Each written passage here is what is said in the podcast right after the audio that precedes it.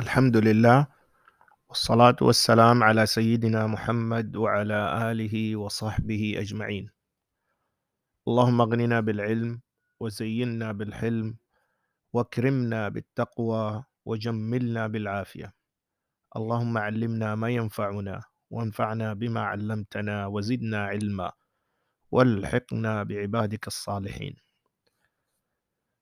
اليوم حابب أتكلم على موضوع من زمان كل ما تيجي يعني يجي وقت معين أحاول إني أقول أبدأ فيه وأرجع أجل الموضوع.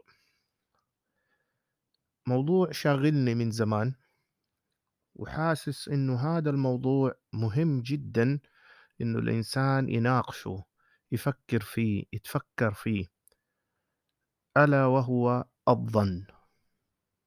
نعم الظن. مشكلة الظن مشكلة كبيرة وعويصة وداخلة في كثير من جوانب الحياة وبتترتب عليها مشاكل جمة خاصة لو نحن بنتكلم في سوء الظن. علاقات مشاكل أحيانا تصل إلى محاكم والسبب سوء الظن. سوء الظن طيب في البداية عشان الواحد يفهم إيش معنى الظن وبعدها نتكلم على سوء الظن فلازم نعرف الموضوع ده نعرف المصطلحات فدائما تعريف المصطلحات يوصل لنا المعلومة بشكل أفضل. نحن عندنا مصطلحات لو جينا كده عملناها على مقياس أو عملناها في سطر أقصى اليمين اللي هو اليقين العلم بالشيء. يعني إذا كان الشخص عنده يقين في موضوع معين بل أحيانا يسموه علمه في في هذه النقطة وصل إلى مرحلة إنه هو خلاص عنده علم كامل أو إيقان أو هو موقن بدا الشيء. فيسمى اليقين إدراكه إنه هذا الشيء يقينا زي مثلا إنه الإنسان بيدرك إنه الله عز وجل موجود. يدرك أن أنه في في طبعا نحن كمسلمين إنه في جنة وفي نار وهذا كله علم يقين. عكسه تماما عكس اليقين في الطرف المقابل في النقيض عشان دائما الواحد يستوعب أنت تاخذ المعنى وتشوف الإيش ما يقابله أو نقيضه على أساس تقدر تقدر تشوف آه، المعنى ويكون يرسخ المعنى عندك. عكسه تماما الكذب. عكس اليقين. إذا أنت في عندك يقين بشيء وفي عندك كذب ودائما نسبة صحته صفر.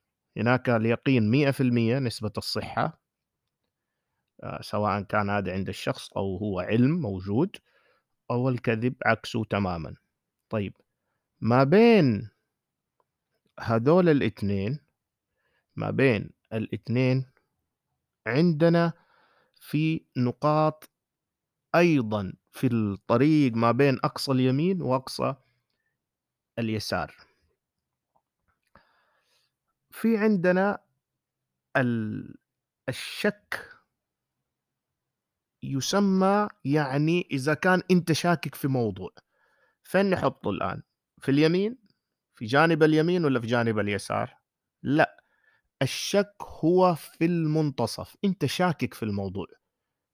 إذا أنت شاكك في الموضوع معناته 50% بالضبط. لو قلنا ده الخط بالكامل 100% آه، كان عندي يقين أو 0% اللي هو الكذب والكلام الغير صحيح. عكس اليقين إذا في الوسط حيكون الشك اللي هو 50% يعني إذا أنت قلت والله آه، زيد مات أو زيد لم يمت تساوى الطرفين هذا يسمى شك. أنت ما أنت داري هذا الإنسان مات ولا ما مات أنت في عندك شكك. لكن مجرد ما تكون عندك معلومة إنه الشخص فعلا مات في عزا في اللي يكون الله يرحمه. طبعا زيد هذا كده في مثال زيد وعبيد يعني دائما يقول. آآ فهذا معناته يتحول يقين، وإذا كان والله الموضوع غلط فمعناته هذا كذب أو غير صحيح. إذًا عندنا دائمًا الشك هذا في الوسط، أنا شاكك 50% ما عندي يعني ما ماني متأكد. طيب في عندي حاجة اللي هي الظن، فين موجودة في الموضوع ده؟ دحين عرفنا اليمين اليقين، واليسار الكذب، وفي الوسط الشك. أي نقطة أكتر من ال50% يعني نسبة أكتر من 50% 51 55 60% هذا يسموه ظن، يعني الأقرب لليقين حتى وإن كان بمعتقدك، بفكرك أنت، يعني أنت بتعتقد أنت مو إدراكك بيقول لك إنه هذا إيش؟ أقرب إلى الصواب. إذًا هذا يسمى ظن. 51 52 إلى حتى لو 99% هذا يسمى ظن. طيب لو الآن جبنا الآن هذه ال النقطة الإيش؟ الرابعة، صار اليمين يقين، اليسار كذب، الوسط شك، أكتر من الشك يعني 51 2 إلى 99 هذا يسمى ظن، طيب أقل من ال50% هذا يسمى وَهْم. يتوهم الشخص شيء. 30% 20% متوهم نقطة معينة. هي أقرب ما يكون إلى الكذب، أقرب ما يكون إلى شيء غير صحيح. فالإدراك يعني آآ ممكن يكون هنا ضعيف جدًا في هذه النقطة، هو متوهم إنه عنده الشيء ده، متوهم بمرض معين، متوهم ب لكن ما عنده، لكن لو قلنا 50% لأ، صار في شك، لو صار أكتر من 50% معناته ظن، صار وصل لل100 معناته هذا لأ، متأكد تمامًا، تمام؟ عرفنا التقسيمة هذه؟ طيب ليش نحن بنقول واجتنبوا كثيرًا من الظن إن أكثر الظن إيش؟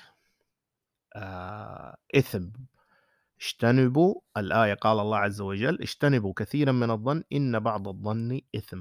معناته إنه مو كل الظن غلط. لكن في بعض الظن فيه إثم. لكن هنا النداء من الله سبحانه وتعالى إنه نجتنب الظن، يعني موضوع ما أنت متأكد منه، إن كان فيه خير يعني الإنسان يتفاءل في الناس أو يعني ينظر فيهم نظرة الخير ودايمًا يظن فيهم ال الخير. هذا أوكي ما في مشكلة، لكن إذا ظنك بالسوء للآخرين، والله أنا أظن إنه هذا الشخص هو حاسدني، هذا الشخص عنده مشكلة معينة، أنا أظن إنه هذا الشخص يعني هو نفسه يعني حاقد عليَّ ونفسي ونفسه إنه ياخذ اللي في يدي ون طيب هل أنت آآ نسأل نفسنا السؤال، هذه الأمور كلها الظن وال هذه كلها أمور ظاهرة والّا أمور باطنة؟ أمور باطنية، باطن الإنسان. هي بعضها تصل إلى الأمراض خاصةً لو جينا قلنا سوء الظن. أمراض قلبية تصيب الإنسان البعيد عننا وعنكم. فمسألة إنه نحن نيجي ننظر لمسألة إنه أنا آآ أظن في الناس الظن السوء هو ده اللي الله طلب مننا إننا نتجنبه، إنه في إثم. الإمام ابن حجر العسقلاني رحمه الله طبعًا صنّف واتكلم في ده الجانب زي ما كان في عندنا من الكبائر الظاهرة المعروفة من الكبائر الزنا والقتل في قال في كبائر باطنة. ومن الكبائر الباطنة سوء الظن. يا الله! نعم، سوء الظن يعتبر من الكبائر الباطنة. معناته لمّا أنا أجي أقول من الكبائر يعني ذنوبها ذنوب كبيرة، لازم الإنسان مو فقط ياخدها من باب الترف العلمي إن أخدنا المعلومة والمصطلح وفهمنا إنه آآ والله هنا في شيء اسمه اليقين وعكسه الكذب وغير صحيح والوسط الشك، وبعدين في ظن وفي وهم، وخلاص وفهمنا دي القصة وأنا دحين صرت يعني عندي شوية عضلات كده باتكلم قدام الناس، لا، الفايدة والفكرة الأساسية إنك تطبّق الشيء اللي أنت تسمعه، الشيء اللي أنت عرفته، مسألة سوء الظن وكتير ناس اتساهلوا في دي النقطة، اتكلموا ب بكل أريحية، والله أنا شاكك إنه داك سوى كده، هو ما عمل دي الحاجة إلا بدال الشيء الفلاني، لأ هو أنتِ شُفتِ وشوف وشاف ونقعد في الكلام القيل والقال، كلها ظنون لا تستند إلى أي دليل.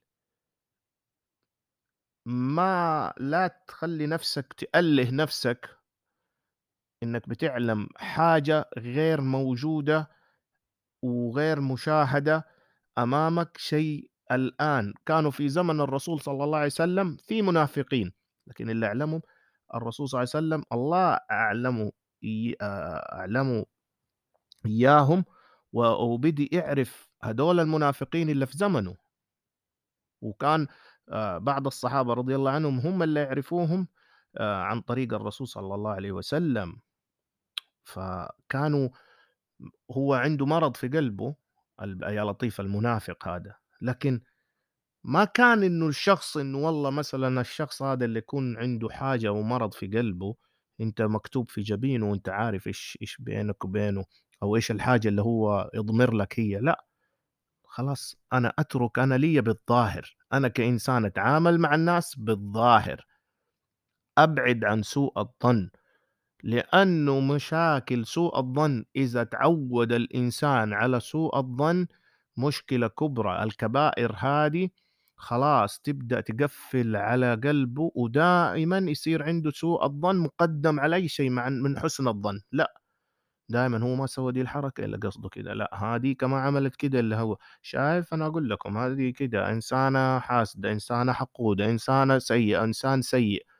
ونبدأ في هذا الموال اللي ما ينتهي ونخش في ذنوب آآ قديش كبرها ونحن نعتقد ونحن نصلي ونصوم وما إيه، طيب ليش نضيّع حسناتنا؟ نضيّع حسناتنا عشان آآ نحن نقول والله فلان أو فلان آآ هم قصدهم كده، يا أخي أترك دع الخلق للخالق، فمسألة الكبائر الباطنة هذه مشكلة كبيرة. نحن اتكلمنا اليوم على أساس إنه كل شخص ابدأ انتبه، لأنه سوء الظن في الآخرين من ال ال الأمور اللي هي تعتبر زي ما قلنا وقال الحافظ ابن حجر العسقلاني: "سوء الظن كبيرة باطنة."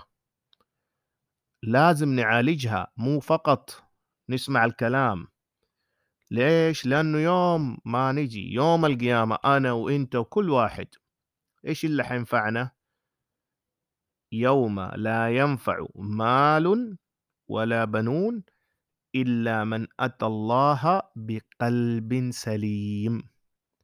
قلب سليم، هذه أمراض القلوب ما تخلّيه قلب سليم، تخلّيه قلب مريض، قلب حقود، قلب آآ مبتلى بالبلاوي والمصايب البعيد عننا وعنكم. فالقلب هنا نقطة هو مكان نظر الرب سبحانه وتعالى، أصلح قلبك، أصلح نيتك وأصلح نيتك. الموضوع ما هو موضوع سهل، ما هو موضوع بسيط كلنا يعني عندنا هفوات وعندنا أخطاء، لكن يجب إنه نراجع أنفسنا في خاصةً في هذه لا نستسهل إن إحنا نتكلم على الناس، أحيانًا حتى مع مع الخدم والشغالات وال والسواقين، هي سوت كده، لا أنا أوريكِ هي قصدها كده، هو قصده كده. هذا برضه في النهاية أنت محاسب عليه. محاسب، أي إنسان أنت أسأت الظن فيه حيحاجّك يوم يوم القيامة وحينحسب لك سيئات، فانتبه. نبدأ نبعد عن هذه الإشكاليات. فالعلم كما قال آآ الإمام الغزالي رضي الله عنه "العلم بلا عمل جنون." فما في إنسان يطلب علم يعني كده نقول إنسان أنا عاقل يطلب علم كده بس علم من إيش؟ ليش طلبت العلم؟ فقط بس والله عشان أنا أصير بس عندي علم. إذا أنت ما حتطبّق العلم ده بلا عمل، فمعناته هذا يعني يسموه جنون. لازم نعمل. فما دام عرفنا إن هي من الكبائر، إذًا خلاص نبدأ نرتّب أنفسنا ونقول نبعد عن دي الأمور، حتى يعني ختامًا لو جينا قارناها ما بين ال الكبائر اللي هي الظاهرة زي ما قُلنا الزنا والسرقة والأمور دي والمعاصي الظاهرة، هذه مج هذه حاجات ظاهرة ممكن تروح سريعة في الزوال، من كيف؟ ممكن من التوبة والاستغفار والله يمحو السيئات، لكن معاصي الباطن وكبائر الباطن تتغلل في قلب ال الشخص ده المؤمن، فخلاص تصير المعصية هي ال الراسخة في النفس، وما تروح إلا بقدرة الله، طبعًا كل شيء بقدرة الله سبحانه وتعالى، لكن هذه آآ زي ما تقول واحد لمن يكون البعيد عننا وعنكم مريض مرض ظاهري، والله الجلد عنده اتجرح، هو شايف الجلد وهذا، لكن لو كان عنده مرض باطني وما هو داري عنه، ممكن يتفاقم وما يدري عنه، ألين يظهر بشيء أكبر، فهي نفس الشيء دي، مر أمراض الباطن خطيرة، خطيرة، خطيرة. وعلاجها أصعب من أمراض الظاهر. حبيت أشارك في بعض هذه الكلمات، آآ طبعًا أنا أستفيد دائمًا من محاضرات آآ الشيخ أدهم العاسمي، وجزاه الله ألف خير، يعني كتير من الكلام ده وأغلب الكلام أنا آخده منه، وبحيث إنه أحاول آآ أصيغه وعشان أست أفيد الآخرين بيه، ويديكم ألف عافية إن شاء الله، ونشوفكم على خير، والسلام عليكم.